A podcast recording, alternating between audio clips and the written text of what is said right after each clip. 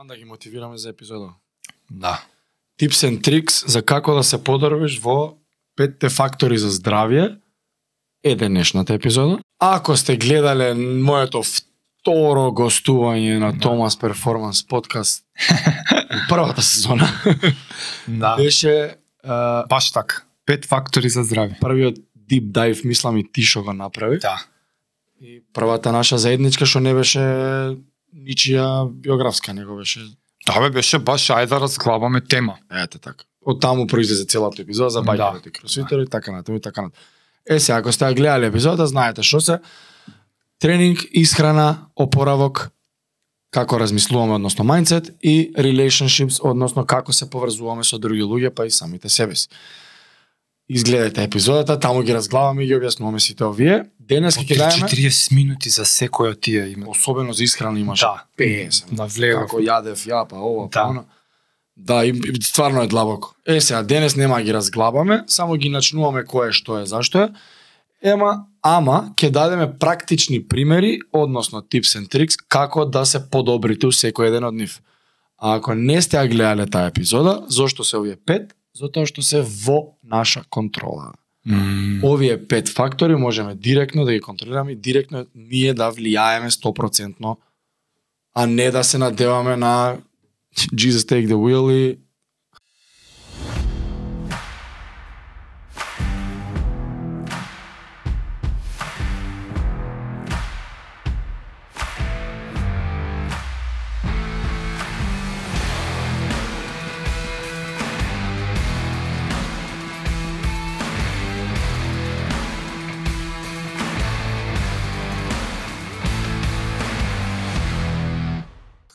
И не само да ги подобруваме факторите, да ги одржуваме. да ги одржуваме, Нека те подобруваме тешко и само да тешко е одржуваш. Да, е, најчесто луѓево знаат за двата, исхрана и вежбање.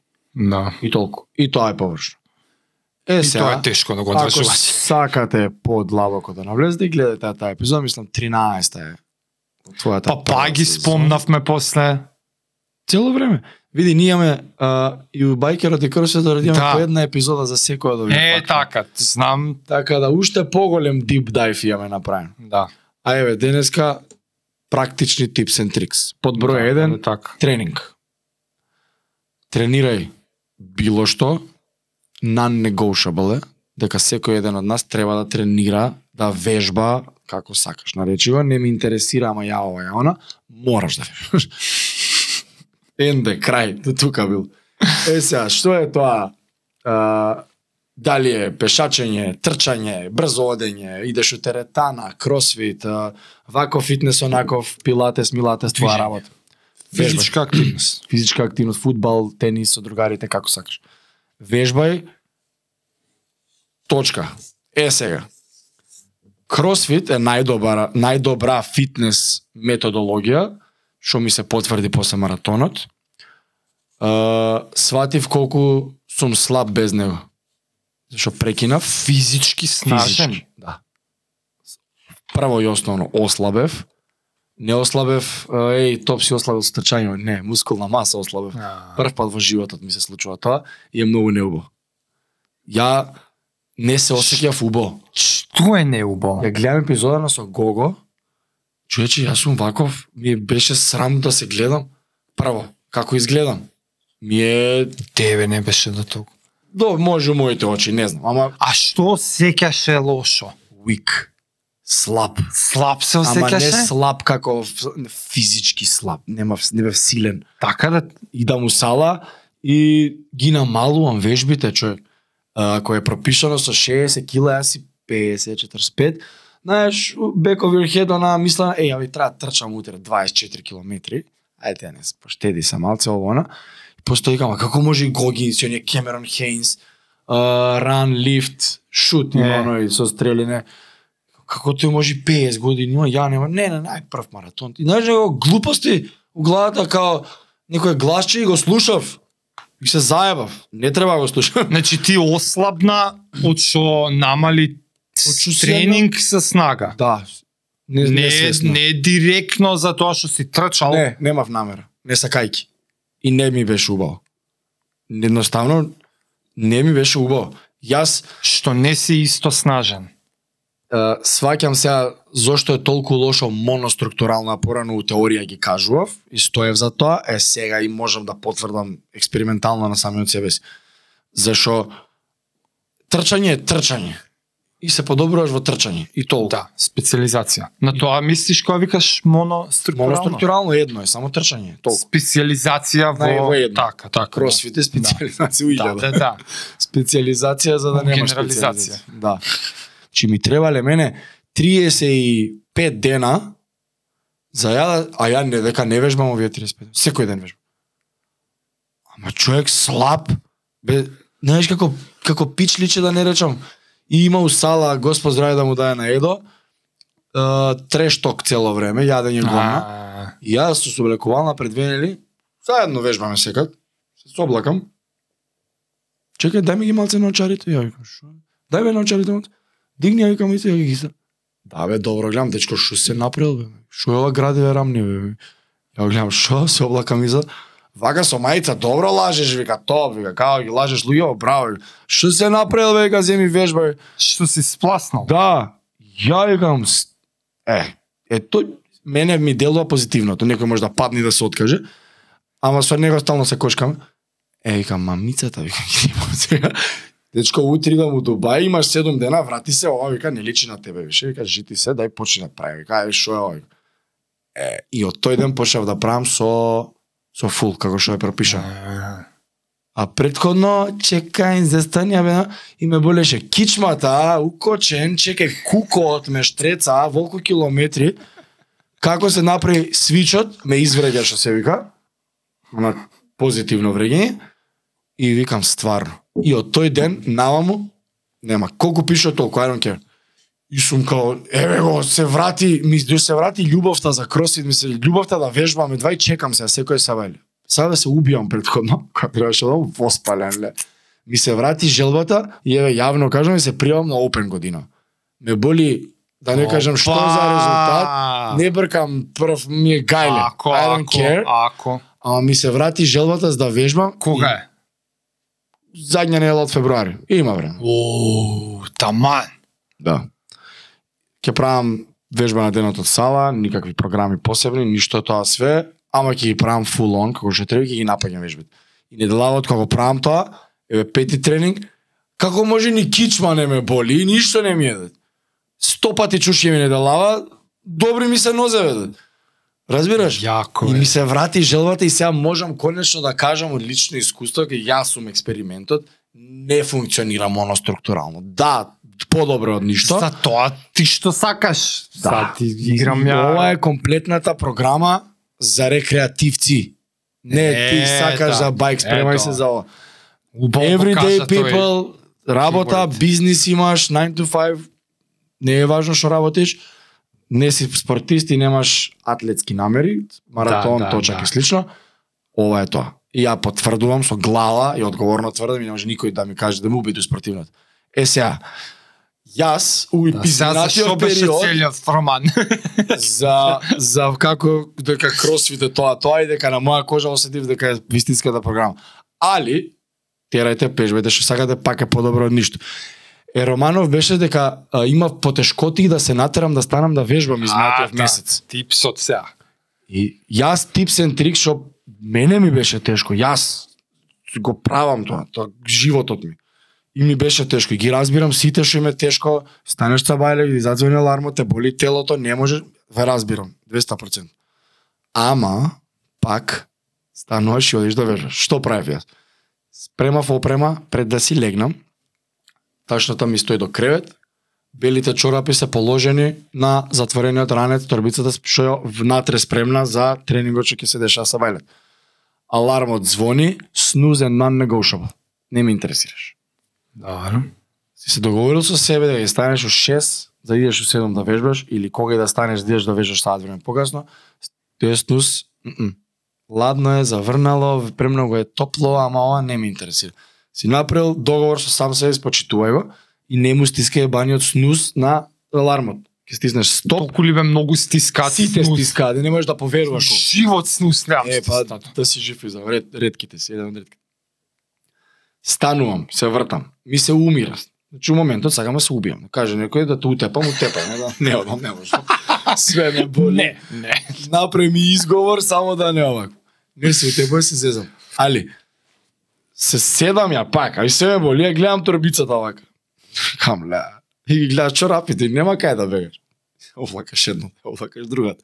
Идеш да се измиеш, торбицата со тебе, фрлам пред влезна врата. Влага во ВЦ и почиња денот. Кафе, мафе, она. После 5 минути, ве уверувам на сите, после 5 минути, кога ќе измиеш заби и лице, крај, лошите мисли си одат, си го победил, првата победа од денот е, одлучив да станам, стана, не стисна снус, не стисна, земува торбица да ги облече чорапите, да ташната. Топ. Да. Све понатако е многу полесно. Има еден сноубол Па ефект. готово да. Толку. Ти се напи. Си ја донал одлуката. У моментот со чорапата си ја испочитувал одлука. си ја испочитувал Со- одлуката. Се Сега донел вечерта предходно. сега дури потешко ќе ти биде Нема да назад. не направиш. Не, не, не, готово. Сега ќе биде, а, сега више се облеков, Ама сега оној типинг поинт е алармот. Пр, пр, пр, пр, ама најгадното на Apple. Ки слушам у сала некој му зазвони ми да му го искрешам телефонот, ма од кожа ме вади. Вич, не се пронаоѓам ова. Значи алармот го ќе зазвони сабалето, најтешкото на свет тука е. Тука е тој момент. Пред да се врати саатот темно беше, уште потешко. Леле, мртва темница надвор. Не, ти се умира, ти се спие. Тука е победата. Стоп, откри се, седни на креветот. Ќе видиш чорапата, облече, ја, си победил. Става торбицата, изми ги забите, лице, кафе, ако Тоа, значи ја спремиш опрема, облечи ги, не стискај снус. да не стиснеш снус. Многу е битно. Договорот со себе да го испочитуваш. Non-negotiable. Зашто кој ќе влезеш во првиот момент во сала, целата сала од вежбална, кај да вежбаш не е ни важно, од било каде, е прилагодена за ти да вежбаш околината твоја, Е, моментот е сала за вежбање, каква и да е теретана, справи го, не е важно. Дома, порано короната, не беше околината на мене да, да вежбаш. Да. Е, затоа одиш физички до некаде за да вежбаш. И влезеш, јас знаеш што викам, натерај се по скалите, симни се. Ја го ги те видам, нема кај да си. Код, ајде, здраво, влагаш. А мислиш ваму кај вас? Да. Ќе влезеш ти по скалите, Е, он дошол до таму толку, кај ќе си толку, оди. толку, толку, победата е направена и тука е нема дел. Тоа Ја ми не е еден мој типен имам- трик, а, па ти си има дешавано сигурно да не се вежба, да, да а, секогаш чувството пред е сите изговори. Every excuse in the book, знаеш. Да. Уште една работа, кажи си, издржи ова, издржи овој момент кој ќе завршиш со вежба и ќе си бидеш благодарен на себе и ќе се почитуваш многу повеќе сами од себе си. И тие ситни победи одлуки после се рефлектираат во другите сфери во животот, тоа ви ветувам. Значи, 100% е така. Да, јас за жал Навики неам неам добар пример. Имам пример кога го разбирам чувството дека не ти се прави тренинг. Ама јас сум веќе толку многу качен на возот што ја махинално ја Без да продолжувам ритуалот на спремањето на правењето на тренингот. Се случува да го сменам тренингот. Тоа, на пример, се случува. Добро, е тоа може е друг кон- интересен пример. За твојата Да сум сфера, имал план за одреден тренинг. У последно време тоа ми се случува. Имам план за тренинг што ќе трае 2 сати. Добро. или да извозам, или да истрчам, ама не трчам поише од саат и после ми е малце. И сега дента предходно сум си рекол, не, ќе биде два, ама еден ќе биде трчање и после саат време ќе работам вежби. Body weight. Е се случува да се да да бидам поразен со бајлето, да ме победи мрзата и да не направам да не се убедам доволно за да го правам целото што сум го кажал. Ама од искуство знам дека ако не направам ништо, ќе се убијам. Дури да стигнам на работа само ќе се убијам. И зијам и правам микро workout. Но пак е бољ. Да. Те, ако, ако ја треба да кажам тип би било тоа. Што ти е микроворкаутот? Go to Uh, или различно? скекови сквотс. Колку? 10 серии по 10? А, Или по 5, повеќе? 5 по 10, Стотка со 3 по стотка. 20, така, зависи Или уште микро, микро, микро. А колку да се рече, Да, да, Да да. ставиш тиква, се дека си- има се има дешавано и са што се случува? С- Немам проблем со аларм, немам проблем со знам дека ќе правам. Ја не можам, не не можам да разберам како е да не правам, ама еве до ваму стигам. Сум си рекол, еј ќе правам 2 сата тренинг, сум станал да ги правам. Сум јас сум станал во саатот кој што сум рекол си направил. И пак, да, ама еве, не знам, за ама се случува, јас се сметам поразен во тој момент. За на точак, за на тренажер збориш? Или не си излегал да извозиш? Е, многу, неколку фактори се. Ајде. Ако сум, сум сакал да излезам надвор. Ладно, Врне. сиво, ако не видам сонце, ми се намалува мотивација за 90%. Да, добро, така И- ти е спорт. И почнува преговарањето. Тука одма почнува. И веќе кратиш. Веќе кратам. Океј, нема надвор, ја на тренажер. А, са на тренажер, досадно. И како преговарам, ја полека губам. Ја ја губам битката. Оти ја ве... стварно ја губам. Оти веќе не правам тоа што сум рекол. Ама никогаш не се случило да не направам ништо. И на крај тотално поразен. Мене ми е е, ритуална казна во пораз. Е сега дека си лузер и дека Да си глуп. и дека си глуп и од што попушти ради не знам некој си облак или ме мрзело или ја на пример сум се мотивирал за точак и у преговарањето сум дошол до трчање и сега е, трчање па е тоа уште поише ме боли Колената, а, ковид. И ти губиш, са ова се секунди, знаеш, тие преговарање у глава, ама ти ја, губиш битката, ја губиш, така. И на крај ми е ко казна, е пај са лузер ни еден, Пумпа склекови да ти. дај најди оправдување од склек и чучањ у, у пижами до кревет. Оти тоа ако не го направам, јас сам ќе се убијам. Сам ќе се убијам од, од, од лузер. Сваќаш? И што се случува? И пак, пак сум лузер. Ја патрагам, ајбе, добро, на, на, ед, на секоја минута, он, а, како беше, every minute on the minute, Е, 10, па, еве 15 ми, што се 15? Од 2 сата спаднав на 15 минути, за 15 минути ќе направам 200 со 200, сваѓаш, или 100 со 100. Прва серија ќе направиш, најчесто сум веќе победник. Веќе не сум лузерот. 10 со 10, а, па што сега не ми ни треба пауза, втори 10, малце здив, трети 10, веќе сум загреан, четвртата можам и 20 да направам и веќе сум близко до 100. И ја у рок од 5-6 минути сум 100 со 100. Капка. Најчесто тоа се случува. Ама има денови кога сум апсолутен лузер и 10 едва и ги доправам, 10 склека? 10 склека со 10 чучњеви. И сум демек задоволен. Демек ај не ај не си безич. И се спремам, идам и у рокот минути сум она Сам за уши се фаќаш. с- да, сам себе Ајде, и, да. и што направи што ја се иш- и а ова ми е без исклучок е сега има на секој саат у денот да Демек се казнуваш, да. Да, и сега и одма. Од ја и најди ми за од оправдувањето било не сум се освестил, не сум се разбудил, не знам што. Е сега бум, имам тајмер Сега кога си глуп. и repeated timer. Е сега кога не направи ко тоа што требаше, Демек сам се се задоволуваш со 10 че. Е сега секој саат у денот по 10. И знаеш што се случува? На седмиот, осмиот, што ми е више при крај со работа, ја више правам, на пример, 40-40. Ама мора да И тргне the way, најавено на колеги, најавено на, на, на работа, Ше знаат. глуп бев преска. На работа знаат, дечки, ја да знаете на секој сат, ако видите некој вака станува од компјутер, бум, бум, бум, бум. И дури ја мотивирано неколку, иде станува, станува и он у канцеларија, бам, бам, прави 20 со мене. Гледаш имало зашто. Ете, евентуално мој тип више кога си у таа лавина на самопоразување, макар и една минута е поарно одич. Све е поварно. 10 со 10 мене ни една минута не ме фаќа. Пола минута е тоа. Пола минута. Следно ни е исхрана.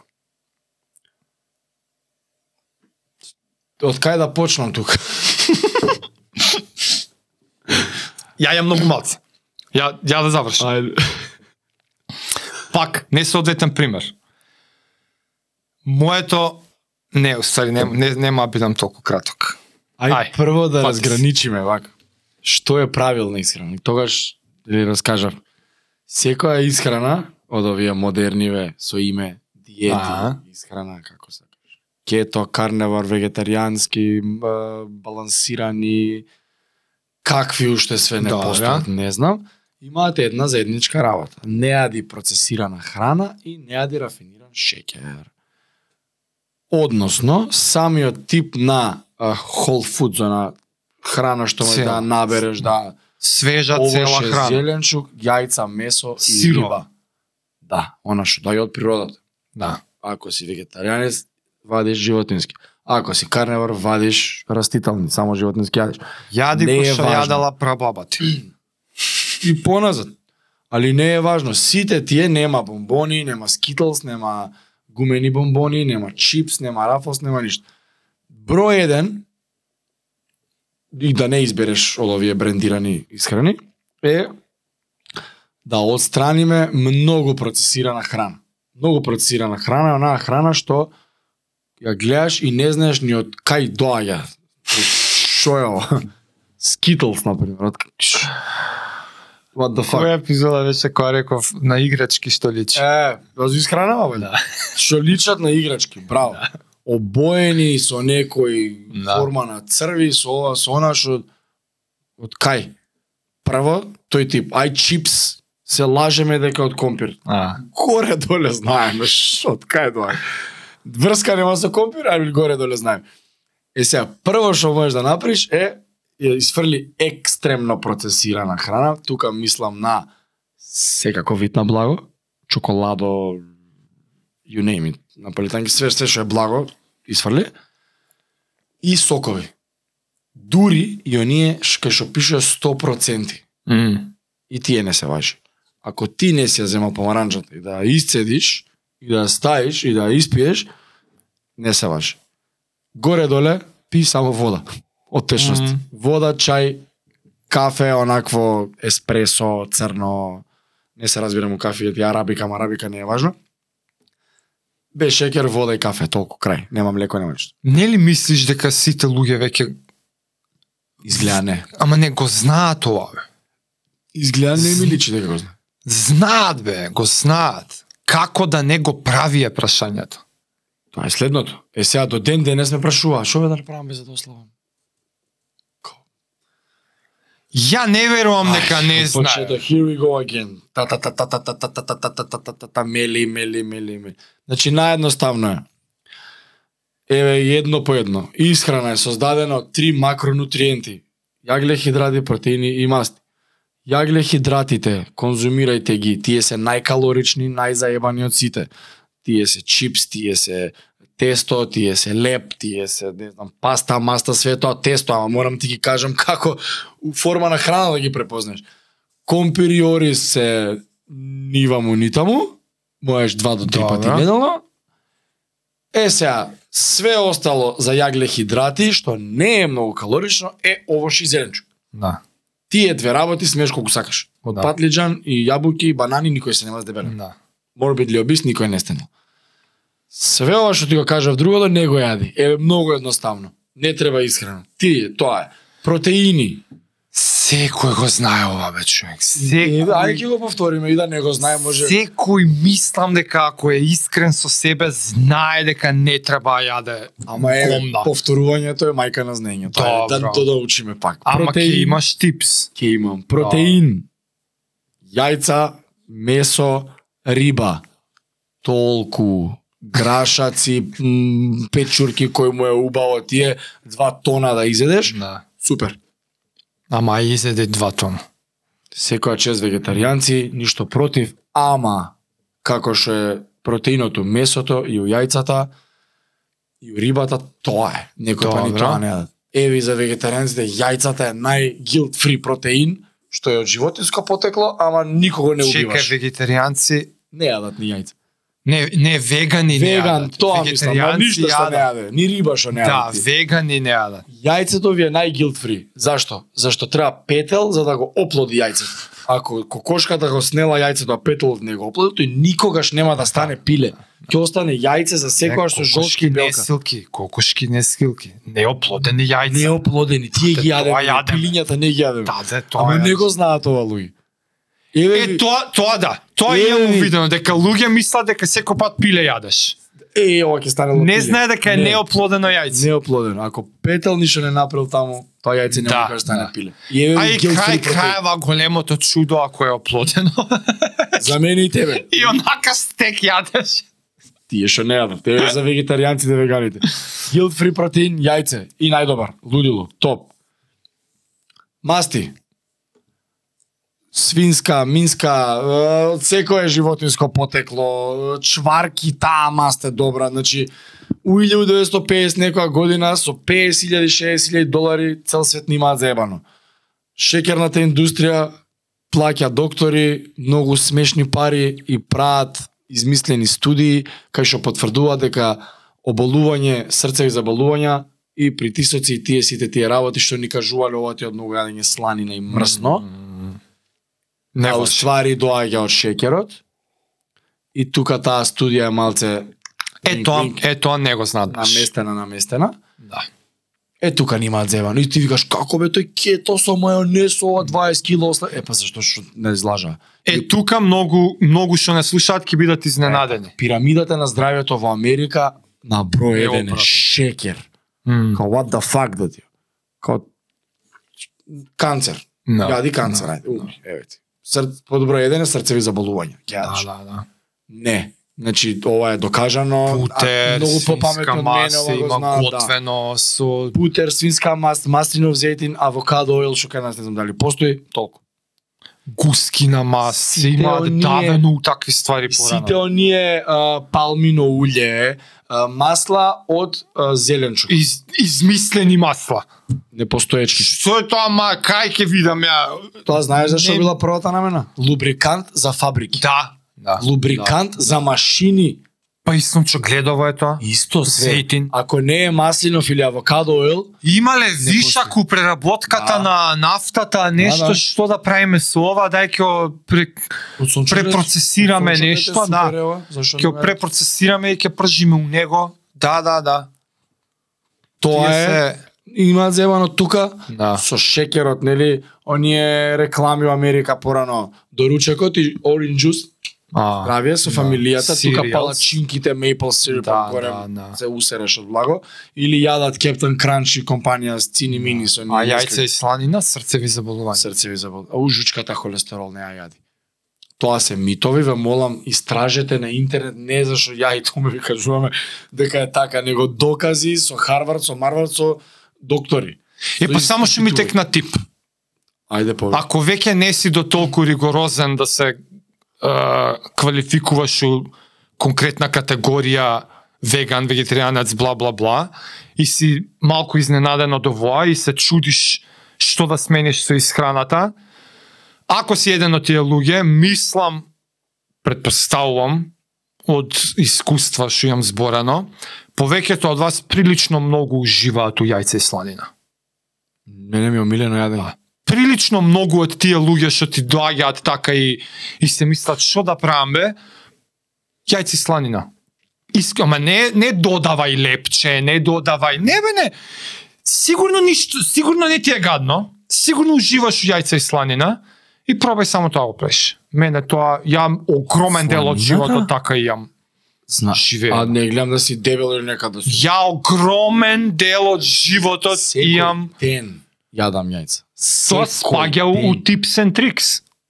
Како не? Ете ти совет. знаеш Па зашто ми знаеш за, знаеш зашто ми е по- как поише како трик тоа? Дека е нешто што го обожавам.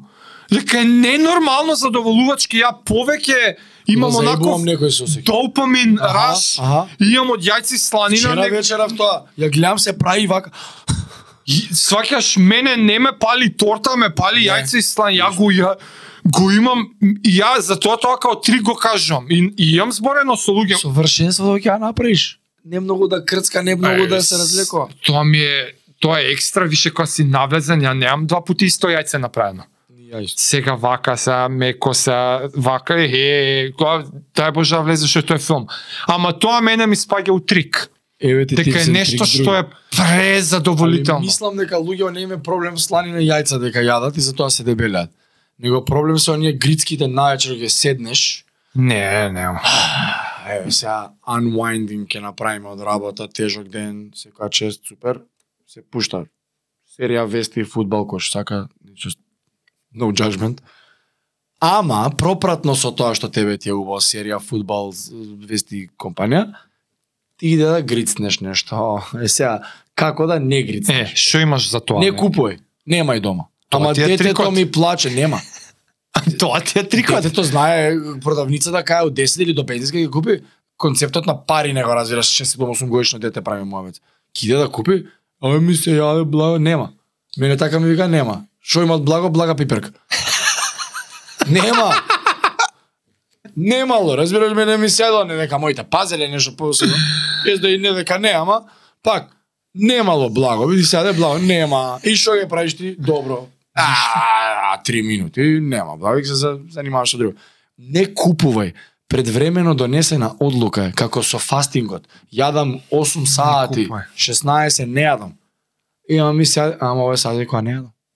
Донесена одлуката, знаеш од кога? Месец дена фастам. Пример ти кажам. М. А, да, од тие сати не јадам.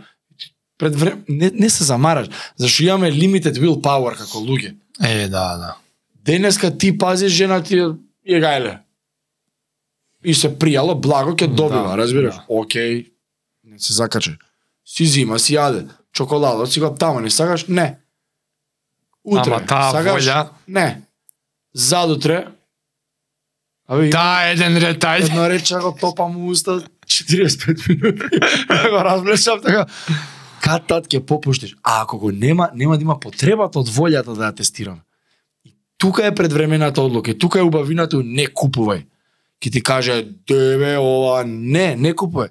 Добро, ми се грицка нешто. Супер. Исечи, исечи моркови, вертикално, онака како стапчиња. Морковот има 20 калории. Ако до толку е работа. Джабе ти е овој три. Ако бе. Джабе ти. е. Купи моркови, купи хумус. Толку не ти треба друго. И сецка ги вертикално, изми ги, изљушти ги, остај ги. И мацка хумусот и јади. Сто пати подобро, подобар снек, него ли 100 грама рафолс да изедеш или Доритос или глупост. Ама ај sad те прашам нешто. Искрено. Колков процент од годината си доследен на ова, ти лично? На некупувањето или на морковите? На на на следење на сите овие здрави навики. Во исхранава сега. Ја овие ги кажам што јас ги практикувам овие примери. Ама Не се ова теорија. за секогаш никад не потпаѓаш. Потпаѓам, кој имам. Затоа и кажам од искуство, јас не зборам ово теорија сум чул сум прочитал. Јас ги применувам овие работи доста долго е, со жена ми живееме заедно више од, од јануари 2020, значи скоро 4 години се тоа. И сега Четири години си немал период кај што сум имал ништо не си внимавал.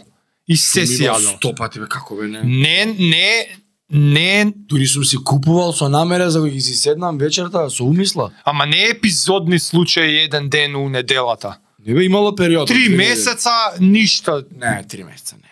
Месец. Не, Недела. две-три недели. Толку ти. Знаеш кој период се опуштам секојаш? Пред нова година, кој ќе почне еуфоријата. Знам дека до седми До, и, руска салата на што ти личи опуштањето? Еден чипси, некој ој, многу сакам ја преглупи блага, јадам метро. Знаеш на лажното марс. Добро, и као скоро секој ден. Да си купам две, оние продужени с 40%. Добро, Го гризам и го така. топам уста 4 минути до карамелата добро. дори не ми стигне. Во тој период, што си кажуваш? Кој ти е самоговорот? Ќе дое седми и знам дека тука е пресекот секогаш. Секогаш ке мене. Да. Ма кај мене 100 од 100, нема тоа е чека до 10. Не. Добро, ама доовме кај што сакав да доеме. Еве го седми, дури се случува на 3 јануари, ја више умирам од киселини. Абе вака, мек, преку такво и од празник и од не мож не сакам. Абе има уште руска, не сакам. Не можам човек, не можам ми е гадно. Ке што е добро што ти се случува. Ми се згадува. Ти веќе развиваш згадување. Абе киселини ме убиваат. знаеш што Ама тоа, тоа, тоа си способен да го имаш само затоа што си бил а, пречист предходно. Да, да. Луѓе што нонстоп така живеат не ја осеќа разликата. Да, зашто се адаптираат. Ти си чист цела година, гасови се препушташ на искушенија две-три недели и ги приметуваш лошите ефекти прилично брзо затоа што имаш во спротивно со што да споредиш Во рок од 3 дена ми се и ти доаѓа згадувањето. Да. Океј. Што значи за тие што нас слушаат, што не се таму, треба да веруваат дека ако се посветат 3-4 месеца и се исчистат, и они ќе имаат истата способност. Секако дека ќе го видите. Нели со жаре Да. кога зборевте за карневор, дека и ти имаш пробано и он веќе Да, тера уште да, мислам. Не сум го видел одавно во Белград, ама ќе каже ако не гледа. А, многу беше задоволен, нели зборевте дека немал гасови и ти Да, кажа, сваќаш дека состојбата на телото твое е не гасовидна. Е, ама сега ја имав едно признавање да направам, а тоа е ја не пратам една цела година. Јас правам, на пример, еве, која... Како не правиш една цела? Правиш карневор цела? Да, си- од, одбрани диети, кето, карнивор, А, ваква или онаква, а, или постења, или интермитен. За се што збориме, ја го правам во интервали од 1 до 3 месеци. Да, не, не И мислев дека после така тој живееш. период, оној fallback, дефолтот ми е јајца и сланина, Исто. салата со козје сирење, тие ми се две to јадење? што и да има што и не, нешто плюс ако има тие две у денот ги јадам и најчесто толку ме заситуваат што после не ми. Ти се многу прс, салатата ја ја пливам у маслиново и цела кеса семки од тиква и јас само у масти може јам 1500 калории, сваќаш. Да, и по калорични се масти дека масти. Кога не пратам конкретна диета, мене ми е тоа. Арно ама, Да бе, ја имам 4 јадења и ги Е, арно, ама има и периоди, може не се две-три недели, знаат да бидат и тока и месеци нешто, кога, Без прекин. да, Ланчани. ланчани, месеци нешто, едноставно, дали ми е волјата истрошена, дали немам конкретна цел, фитнес цел, трка, некоја бројка да стремам или некои други околности у животот и си дозволувам да не пратам ништо. И не само тоа, туку и да се препуштам на искушенија. И ја исто. Благо ќе јадам, чипс ќе јадам, Пак благо. кока-кола ќе се напија. Кока-кола е моето. И, и тоа, на пример, по, ај, не секој ден, ама, на пример, преку ден.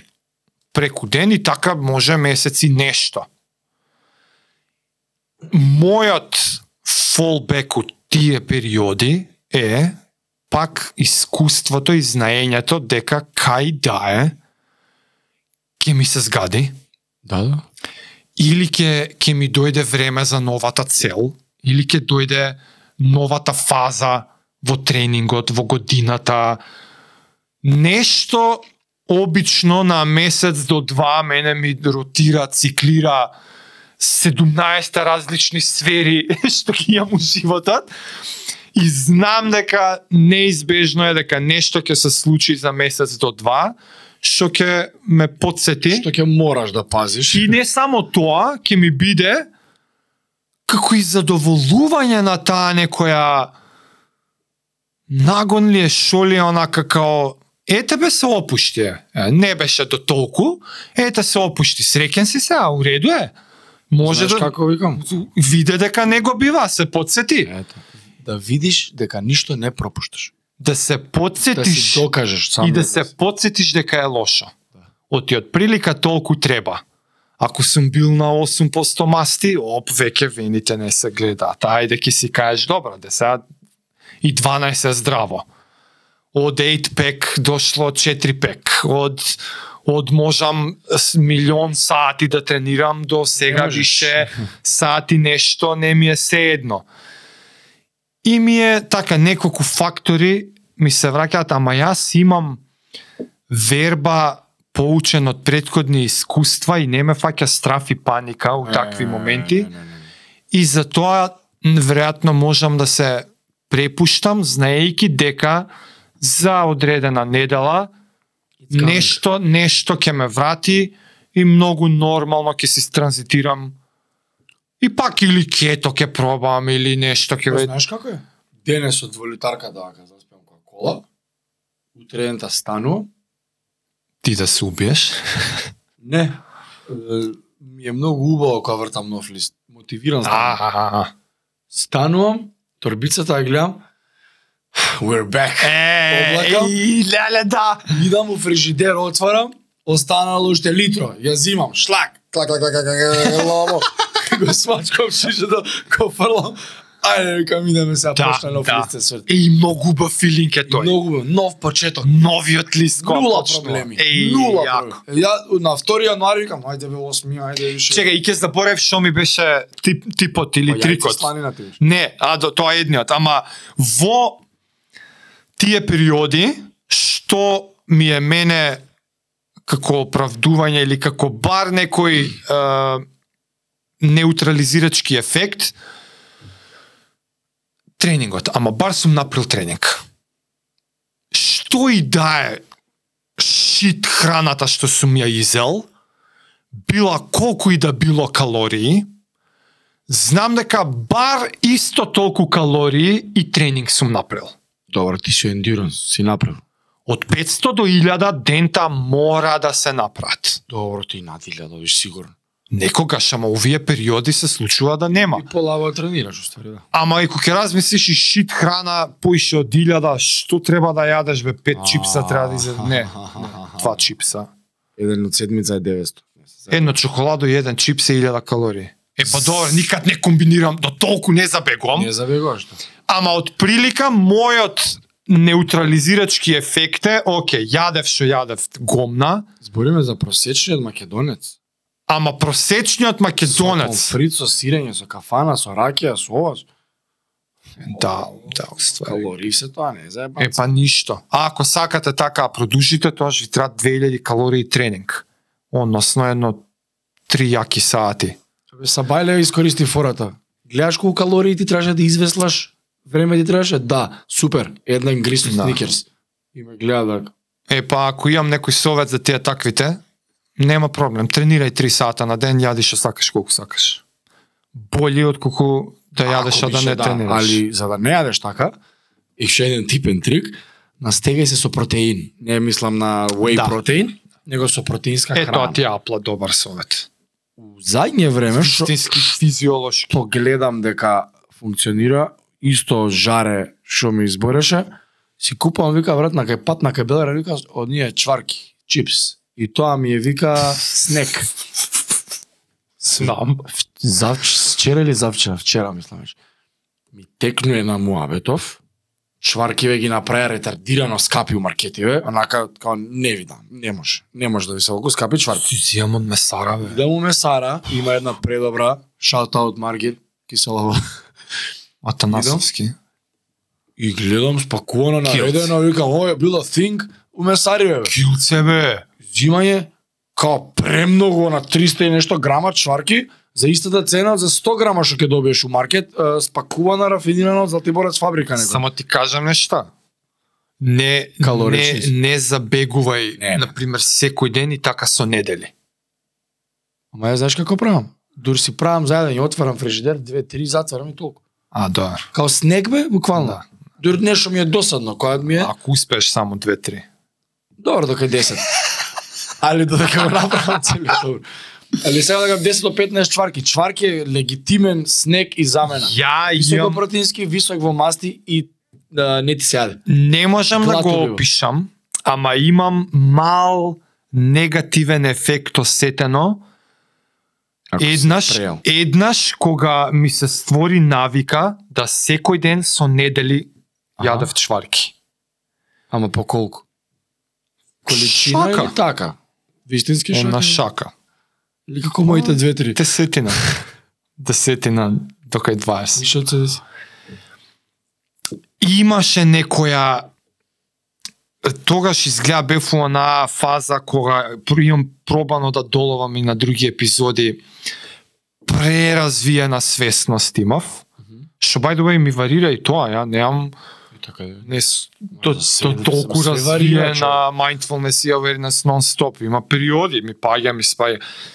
Имаше период кога имав до толку развиена свесност за вискозноста на крвта, за за за ефикасноста на на согорувањето на на енергијата. Например, различно ефективно ќе горам како гориво, например бразилски ореви, Аха. или семки отколку чварки. Иако се, например, масти и масти, има разлика во ефикасноста на горењето на тоа гориво. Нешто така, ама ако не ја имаш развиено таа свесност, не, не можам да доам. ама знам дека конкретно, експлицитно, само за тоа го, го осетив дека беше резултат од створена навика, секој ден јадење чварки неколку недели, Види ти си поврзав и ги избацив, И се врати. рокот неколку дена ми се врати, а, добро е чварки, ама не забегувај. Смени ги сега со бразилски ореви. Или само ореви. Значи, високопротеински оброк, Или маст, или високо масен. јајци и сланина. Да. и- Хенс, примерот. Али, ете го несвесно, тоа е. Те држи сит. Да. да. Уште еден тип, јагле хидратите од зеленчук јоваше и тоа е тоа. On to the next one. Ај, Како се опоравувам? дај вол. Изволте. Е сега, спиење во опоравување е нешто што е број еден. Тука имаме цела епизода и за тоа само за спиењето, не само за опоравок. А, Ти? После Се знаеш, што поровак дај одма tips and tricks. Знаете, спиење ми е многу битна работа. Е, сега многу е важно да спиеш 8 до 10 сати за атлети. Зашо 8 до За- 10, а не 7 до 9? Да. Затоа што горе доле awake имаме сите по пола сат, сат, освен ако не си комене да заспиеш 30 секунда. Али јас се деша се разбудам за идење до ВЦ, и за мочање така се деша. Имаш awake, се сецкаш, light sleep и слично.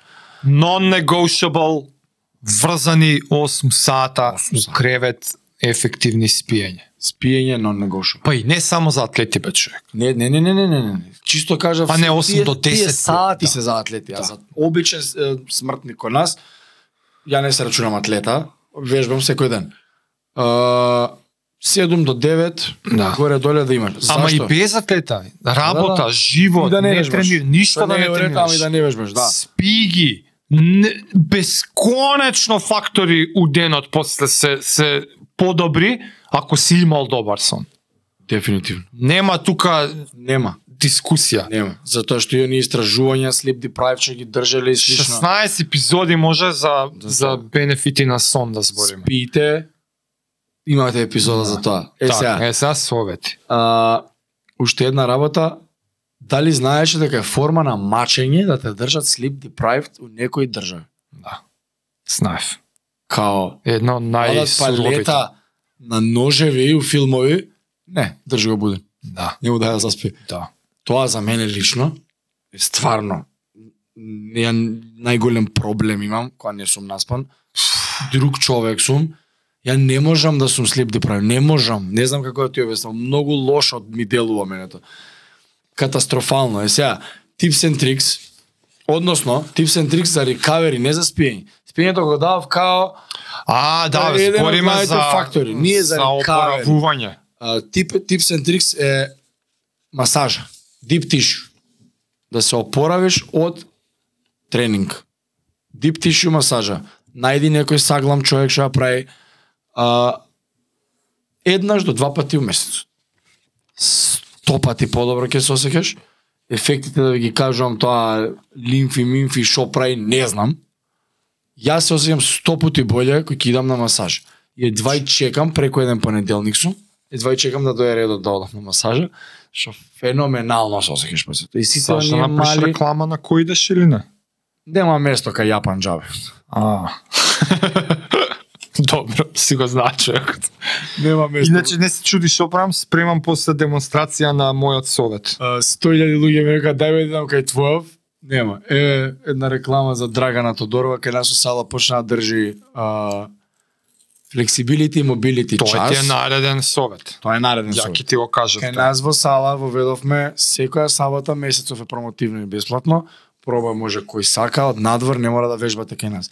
Во 11 саат Драгана е физио, дипломирана, не е од оние Било масери. која форма на истегнување, Она го јога, води тоа, да. Девојката е физио, масира, така да после тоа може да си закажете кај незе и заштоа што вежба кросфит запознаена е со сите тие работи, директно се пресликува и може да ти помогне и знае например снеч го. А, Што добро. Кјутиш бе? Кажуве вакви работи. Еве кажу. да. Така да масажа е еден од тие здраве за Драгана ќе ви дајме број. Кој сака. А, друго За опоравок. за опоравок е Вода многу. да пиете многу вода. Ја тоа го правам свесно, Со малку сол. со, не, свесно пунам шишиња. Имам у сала едно се 150 и кога ќе се испразнам до веца го пунам и го оставам, кога ќе го видам се напивам. А, стречинг. Сега го кажавме, ама многу е битно. Па добре, а тоа уистово го ставам, флексибилност. нека не ве мрзи како стареам, сваќам дека се е поважно загревањето и опоравувањето после тоа. Супер се осеќам после овие. И некој друг ме води, ја не треба да мислам за ништо. Стреча уживанци. Ете. Ајде дади пример со А, советче за а, спиење поврзано со еден куп работи, ама ја само советчето финтата ќе ја кажам, затоа што одлично искуство ја користам веќе четврта година. А, во некој од епизодите ги имаме кажано условите за да, да се спремиш за добар сон. Темно, ладно, да си најдеш анатомска перница, душек и сите тие работи. Нема уреди, не јади, не пи, одредено време пред спиење, саат, два, кој како ќе си пронајде која му е Значи, нег, негде ги имаме зборено, има и милион други епизоди и други подкасти, ама една од покрај сите овие финти, на многу луѓе им ја кажувам стенава финта. За да се осигураш дека 100% си дишал исклучиво на нос цела вечер, залепи си фластер на уста. И за тоа што ретко имам прилика на лице место на човек да му покажам како тоа изгледа, затоа што кога и да им кажам, или ме смета ненормален, или го заинтригира, ама не му е јасно како што фластер, не знам што. За тие што не гледате, сега скинав, не ми текна гледаш, скинав едно ливче, ама а, купувам котурче. Да, Се, да, се купува котурче фластерче аптека имаш сега. од аптека. Си кинам парченце колку еден прст. За тие што не слушате, се објаснувам. Тенко, фластерче, долго, колку еден прст. 7, 8, 9, 10. И го залепувам буквално на средина на устата. Не хоризонтално вака, ја го лепам вака. Покрај нос. Е. Аха, диагонал. Ја правам диагонално затоа што никад не сум избричан и ради влакната нема за шо убаво да се залепи Јасно, јасно. за да фати на кожа, ама ако ако си избричан скроз, И помал. ова буквално и со 2 сантиметра може да работи. Е, покажувам на камера и што е предноста кога ќе залепам вака? Е што ако мора, имам малку простор да дишам, да зборам, или Све ако, се, ако ти се случи нешто, усред ног, не си тотално вакуумиран, што се вика. Ја, без исклучок, веќе 4 години спијам вака. Ефекти видов последна недела. Ефектите се прво друго ниво на длабочина во сон постигнуваш, Ти се подобрува квалитетот ти се измерен. подобрува измерен, потврдено со метрики мерено. Не до подобро се осеќам. Сите сите фази на спиењето се подобрени и by the book и ова исто го имаме зборено. Почињаш со deep sleep, следува со REM, следува со light sleep и тој циклус се повторува 3 до 5 пати во текот на вечерта. Длабочината и должината на deep слипот е значително подобрен откако за рокот недела дена го приметив. По long term ефекти, по долгорочни ефекти ми се проширени канали дишни и дури и мала Jawline? мала ре, реформирање на вилицата и линиите на лицето заради инсистирањето да ти устата вака. Наместо-. Наместо а вака. И е многу многу силно го советувам ова пробајте бар 5 дена, ништо нема да ви биде. Ова ми е прв пат прилика вака јавно бар да покажам на што тоа личи еве уште еднаш. На камера покажувам фластерче широко 1 сантим, долго 5-6 и го лепам вертикално преку уста вака. Ако имате бркови, дијакон. Ако имате бркови, малце на страна, фатете кожа. Како станувам, си го одлепувам без гајле, тоа е тоа. И за тоа што помага успијање, автоматски помага на на одмор, на опоравок, и психички и физички. Број еден фактор. Сме збореле и за sleep deprived експериментите со студентите, со како се зголемува одма Да. со болестите, со срцеви заболувањето, сето. Уште еден совет ако некој не може да се успие, јас шо правам? 9 9 и пол, 10 најкасно ако нешто не комуницирам со некој или чекам да ми вратат за нешто. Do not disturb, телефонот успална на пуњач, ја одневна и толку, нема. Не можеш да се успиеш, скролаш е едно друго, тргни телефонот, ама досадно ми е супер, земи книга, читај, ама ми се приспива, топ. Баже кога се приспива, читај пред да заспиеш, се приспие за 5-10 минути, затвори книгата, легни и да спиеш. Тоа е тоа. Се подсети на друга финта. Мене многу ретко ми се има случено, ама ова го, го слушнав негде, за тие што патат од инсомнија, са може би не е некоја си екстремна, ама Е, за, за, спива. за тие што често се фаќате да легнете, сте се спремиле секој што треба и лежиш, лежиш, лежиш, лежиш и поминува време и не И заспиваш. не чепкаш телефон и не заспиваш. Ништо, ништо не правиш, само лежиш и чекаш да заспиеш. Дали ради мисли, дали ради стресови, ради нешто ти влегло, ти заглавила плочата што се вика у мозок. Не не че, не продолжувај да лежи. Тоа ми е совет што си го испробав еднаш. Ако не заспиеш у рокот десетина минути, стани. Стани и поарно седни у дневна.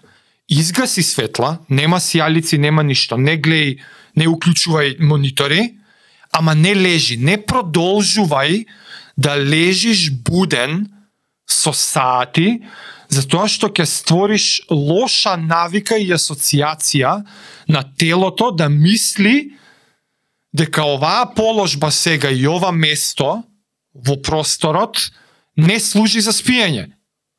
Туку служи за ти да си размислуваш за рандом ствари.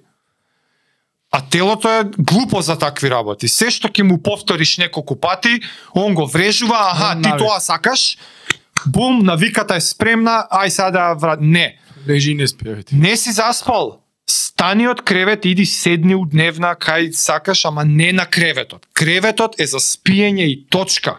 И колку после колку време се враќаш назад? Ке ти дојде. Аха, немаш Дали, ама не уклучувај монитори. Немој да дремеш на Не телефон. фатај, не фаќај сега нови проекти да се анимираш скроз. Не може да спијам серија ќе. Ако фатиш сега се анимираш од поново проекти да правиш ништо, ич не спи, легни у три, Ќе се утредента не дреми денски, биди малку sleep deprived и после не, ќе ти се приспие у 8, легни спи, сваѓаш. Ама а, советот е не ја асоцирај да. спалната и креветот со будност. Ако си веќе буден, спи. поарно иди седи у дневна и думај таму. Седи си вака на троседи и шо и да ти се мислите, таму думај ги, не у кревет. Думај ги колку сакаш, после пола сат, eventually ќе ти се приспие, е, оди се легни. Супер. Следно ние како размислуваме односно мајндсет. Mindset. Четврт фактор. Mindset. Yeah. Tips and tricks. Uh, control what you can control, тоа не е основаната. Значи, да мислиш на контролираш тоа што што можеш, што е во твоја контрола, а не тоа што е вон твоја контрола. Значи, ос 5000 пати сме го зборили. А, практичен совет за мајндсет, нема да го кажам тоа во, вон, ова, она со круговите, него е да се пробај да се приметиш што ти се тригерите кога ќе се изнервираш. Дали е собраќај, дали е некоја кавга со некој. Пробај фати се real time. А знаеш што се нервозно сеќам? Хм. Затоа што му кажав но аха. Добро. Се вреди да изреагирам. И некоја внатрешна конверзација да спроведеш, да си поразговараш сам со себе, маце, зашто се осеќам вака како што се осеќам. Зошто се случува тоа што се случува. Свесно. Затоа што мајндсет според мене и зашто човекот е поразличен од сите останати животни е свесноста. Свесен, односно свесност се тренира. И тоа е Да, мускул. да. Као што се тренира бицепс, се тренира и свесност. Само не можеш да видиш физички, не можеш да ти кажам е свесен си. Него можеш да приметиш кроз X ситуации како се понашаш или како се понаша некој друг. Број 1. Заеби се 5 минути покасно. Еј, не треба чака. Супер. Тоа е добар прв чекор. 5 сата покасно, 2 дена, 5 дена, супер, прв чекор на добар пац. Тоа да го намалуваме, ќе стигнеш до нивото на во момент на нервоза да сватиш, стој кошница. А како беше оној примерот со реформулирање на, на реченицата наместо кога си нервозен да си кажеш нервозен сум, да си Аха, кажеш позитивен осеќам нервоза. С, само Да. само реформулирање на зборовите на Си истата реченица. епитет. Оти Јасно. Тоа е еден вид фаќање и ставање на Да. себе си во Да. трето лице и имаш уште едно. Значи имаш еј нервозен сум сега, наместо тоа кажи си Зошто еј, осеќам нервоза? еј осеќам нервоза. Тоа е едно и имаше и трето ниво. Ти текнувате? Не. Имаше и трето ниво. А другото ми е а, never whine, never never complain, never make excuses. Не се жали? Да, не се жали. Зашто? Затоа што работите вон твоја контрола се такви какви што се. Е прв чекор кон ова е не се жали на глас. Нека не биде во, во интерниот диалог, не кажува на глас. Лева, е тешка вежба, е. Аха, Знам, аха. ја правим истата, разбираш? Не, не треба ми кажеш, ја, е тешка вежба. Не се жали на Не се глас. жали на глас. Тоа е исто еден вид тренинг да се фатиш сам жив. Да. Или леле, ама е топло. Као, оке, живеем. Топло е, да. Или врне, или снег, или ова, или она. Значи, А, сега ги заба 90% луѓе. па Тоа е тема на моја. Па знам, ама...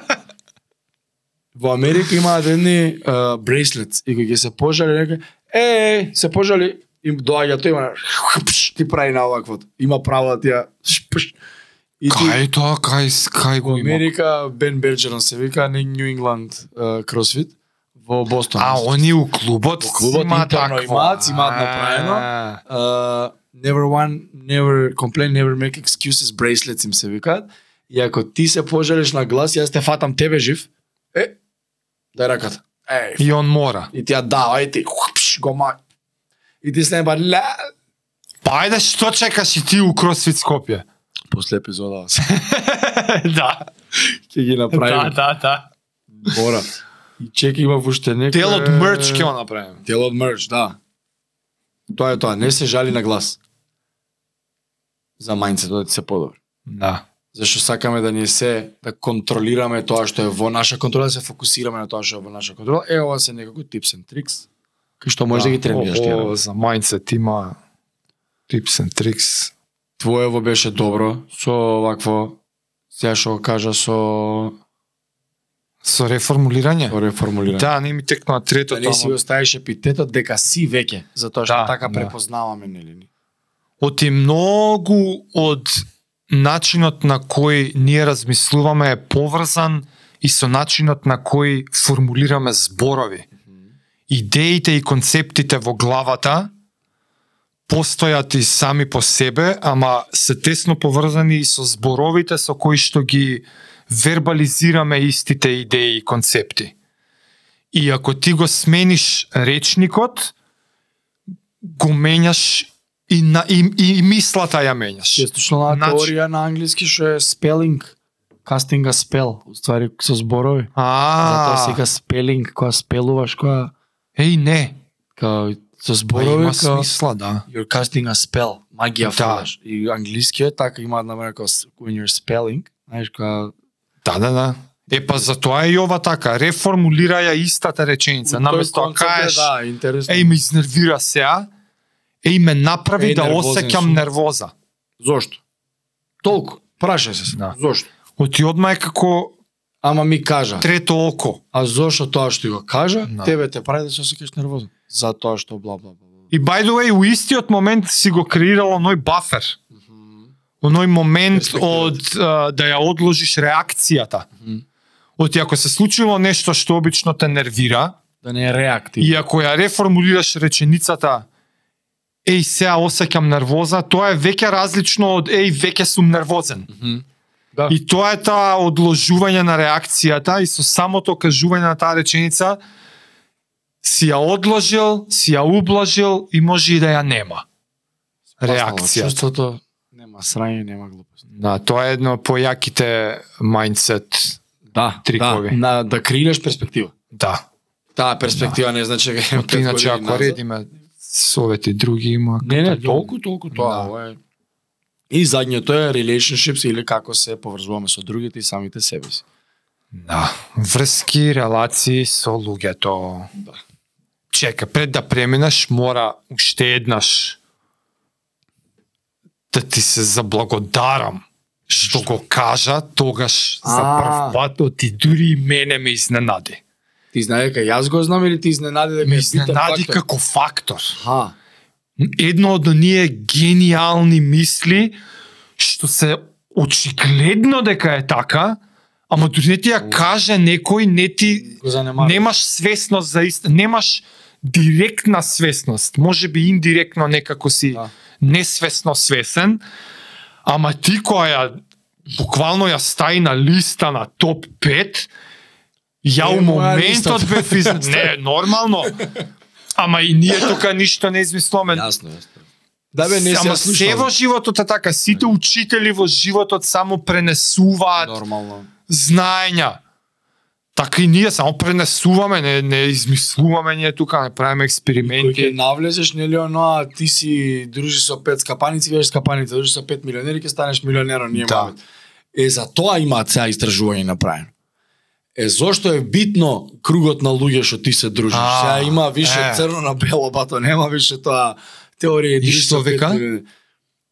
Ако се твоите дома дебели, дома, ќе дојдам и до друштвото, ако се твоите дома overweight луѓе, гојазни, нели, а, шансите дека и ти ќе видиш, ќе ти ги пренесат навиките, се големи. Ако другарите твои и групата од пет луѓе, она чувена Аха. со пет, се гојазни, 171% се поголеми шансите да си дебел, него ако родителите ти се дебели. Значи, колку е побитна групата што ти ван твојот дом се Да, дружи. да, да.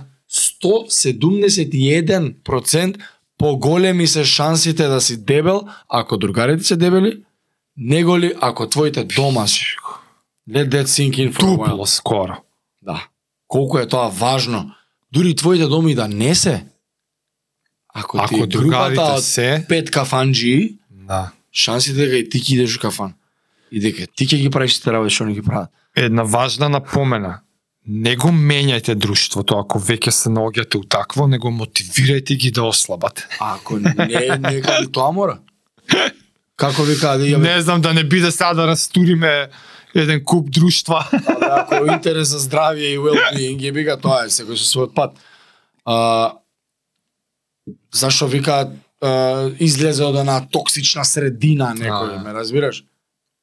Со пет наркомани, ако се фиксаат у Вено, ако се затоа што сме другари од деца сега, што ја иде ќе се удрам ја у Вена, зашто сме другари. Не бе брат, не е убаво.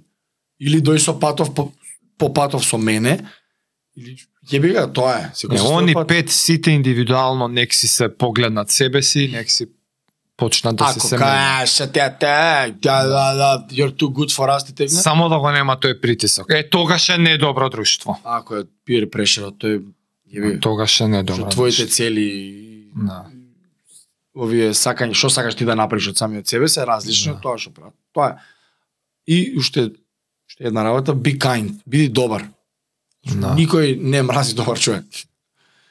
И никој нема да му наштет и да ти наштети заштито, ако. Ама утре ќе се се имал ситуација мал милион, абе не можам се, а жив и здрав. Чекај да ова живеј. Така требало да биде. И знаеш, ке сум можел да изреагирам лошо, Да и би било оправдано и можел да се исклучам, не сум го направил тоа. И ми се докажало и ми се вратило после години. Сум имал ситуација. Еј, знаеш ли, тоа е тоа. Онака само да се потврдо. Зашо кој сака да седи со некој што се жали цело време? Те замара, а, ја бе не чини држава, те ова е лошо, не може тука, а, виде оно или оговараат. Оној виде што направи или оно е ле, оно е каква врска, девојка што или оно е. И Некој исти таков. ме А што е практичен совет? практичен совет е биди добар Биди добар. и баре го тоа од другите луѓе. Биди ти добар. А ова ова е спаѓа овие токсични ова друго, кај што оговараат, кај што Мгм. не се плаши да исечеш некој луѓе од животот. Мгм. Некој in between да веде.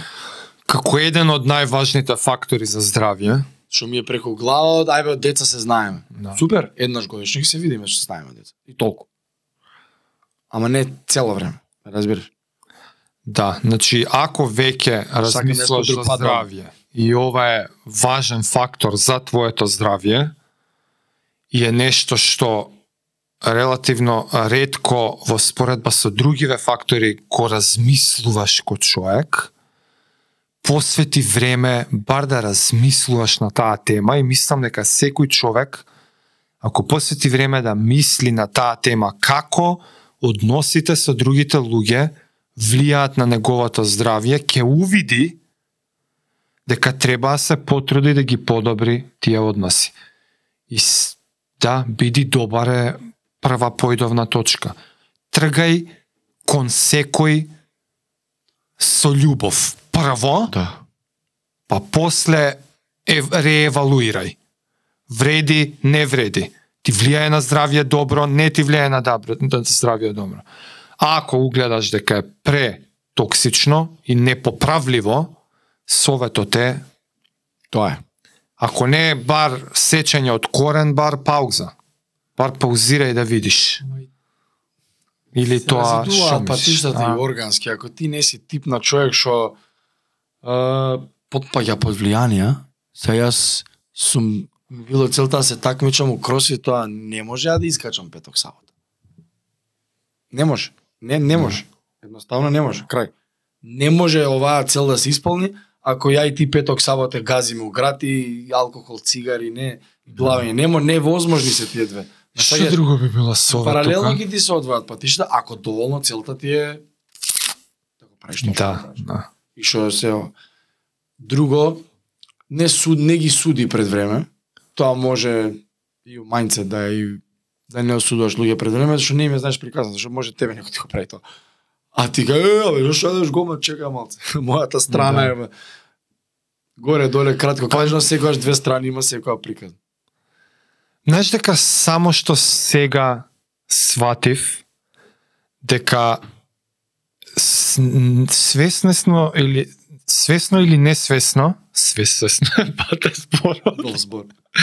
свесно или несвесно од моментот кога ти ми го осветли тој фактор, ја изгледа почнав да воведувам се почесто книги што се и малку по-духовни. Баш заради истражување на таа сфера од животот, како односите со други, ама и со самиот себе, што е што работа има тука? Што немам Знаеш, имам работено на тренинг, имам работено на храна, на све имам посветено работа Свесно, што се да. вика. Време и години сум работел на случајот. И ти кога ми го приложи тоа тогаш на подкаст, јас сватив дека немам работено на случајот активно. Може сум, не може сигурно сум а, бар благодарен и верувам дека сум а, воспитан добро, се трудам да сум добар, да, да знаеш, се трудам да сум добар, се трудам со другарите да развивам, да не ми влијат лошо. Ама не било тоа активно размислување на темата, не било активно работам на случајот. И сега ти откако ми го приложи, ја почнав активно да работам на случајот, затоа што таков сум по карактер. Кој ќе ми стане нешто очигледно и кога ќе сватам дека неам работено на случајот, готово сам, мора да се работи на овој случај. И работено на случајот ми беше читање книги. Така изгаја последниве 2-3 години се почесто читам и такви книги. Па и религија, па и духовност, па и а, так, морал, етика, евеа медитации. Тие пред 2000 години книгата. Да, та Чи- 2 2400. Колку време ти- тие се работите, тоа е. ти се замисли колку важен фактор е тоа, ама моабетот е колку малку луѓе Маркус Аурелиус знаеш Активно? роб, да му вика you're just a human. You're just a human. Да, Забега? да. Да. Така да колку е он свесен бил, крал на Рим. Да, и сега прашањето ми е колку колку од луѓето активно посветуваат внимание и работат на случајот да мислат на ова. Што ти активно правиш за за оваа сфера, за овој фактор за твоето лично здравје? Да не се сватиме погреш. Ова не значи да имаш 500 другари. Meaningful, значи значителни врски со некој. Не тоа Исполнувачки. исполнувачки, не тоа со со женски партнер, не е важно.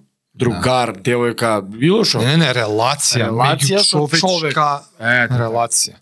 А и со себе. Значајни. И уште едно истражување. Од овие сите пет фактори најважен relationships што луѓе што живееле најдолго и директна корелација со немање на канцер, немање на срцеви заболувања, најмногу е оваа од пет изненадувачки. Да цел живот се во Луѓе што имале значителни односи со други луѓе, врски, на чувство на на на припаѓање на Зашто заедница. дава вајда овие добриве а, хормони се на љубов, на среќа, што ги преовладуваат овие лоши како кортизол и компанија, со кои се хранат нели канцерогените клетки и така натаму. Не без значение ти дава само. Ти дава Дава значи значение. на сам. Не си никогаш сам, можеш да се јавиш, можеш да разговараш. Плюс, знаеш, како некако сега Па ќе се повторам. се. Ако Ако вистински. тргаш со прва намена да тргнеш со љубов кон оваа релација, толку. Да. Шахмат е тука, се, се ќе потпадне. Добро, немање предрасуди, не судење, не дискриминирање, сето тоа ќе биде решено ако ти само си тргнал со љубов во овој однос. Да. Дали е прв прво запознавање или е другар што го имаш 40 години, ако секој пат интер, интерактуваш со тој или таа со љубов, крај. Крај. Толку. Може да завршиме тука. Па поли крај немаше да биде. Поздрав. Чао.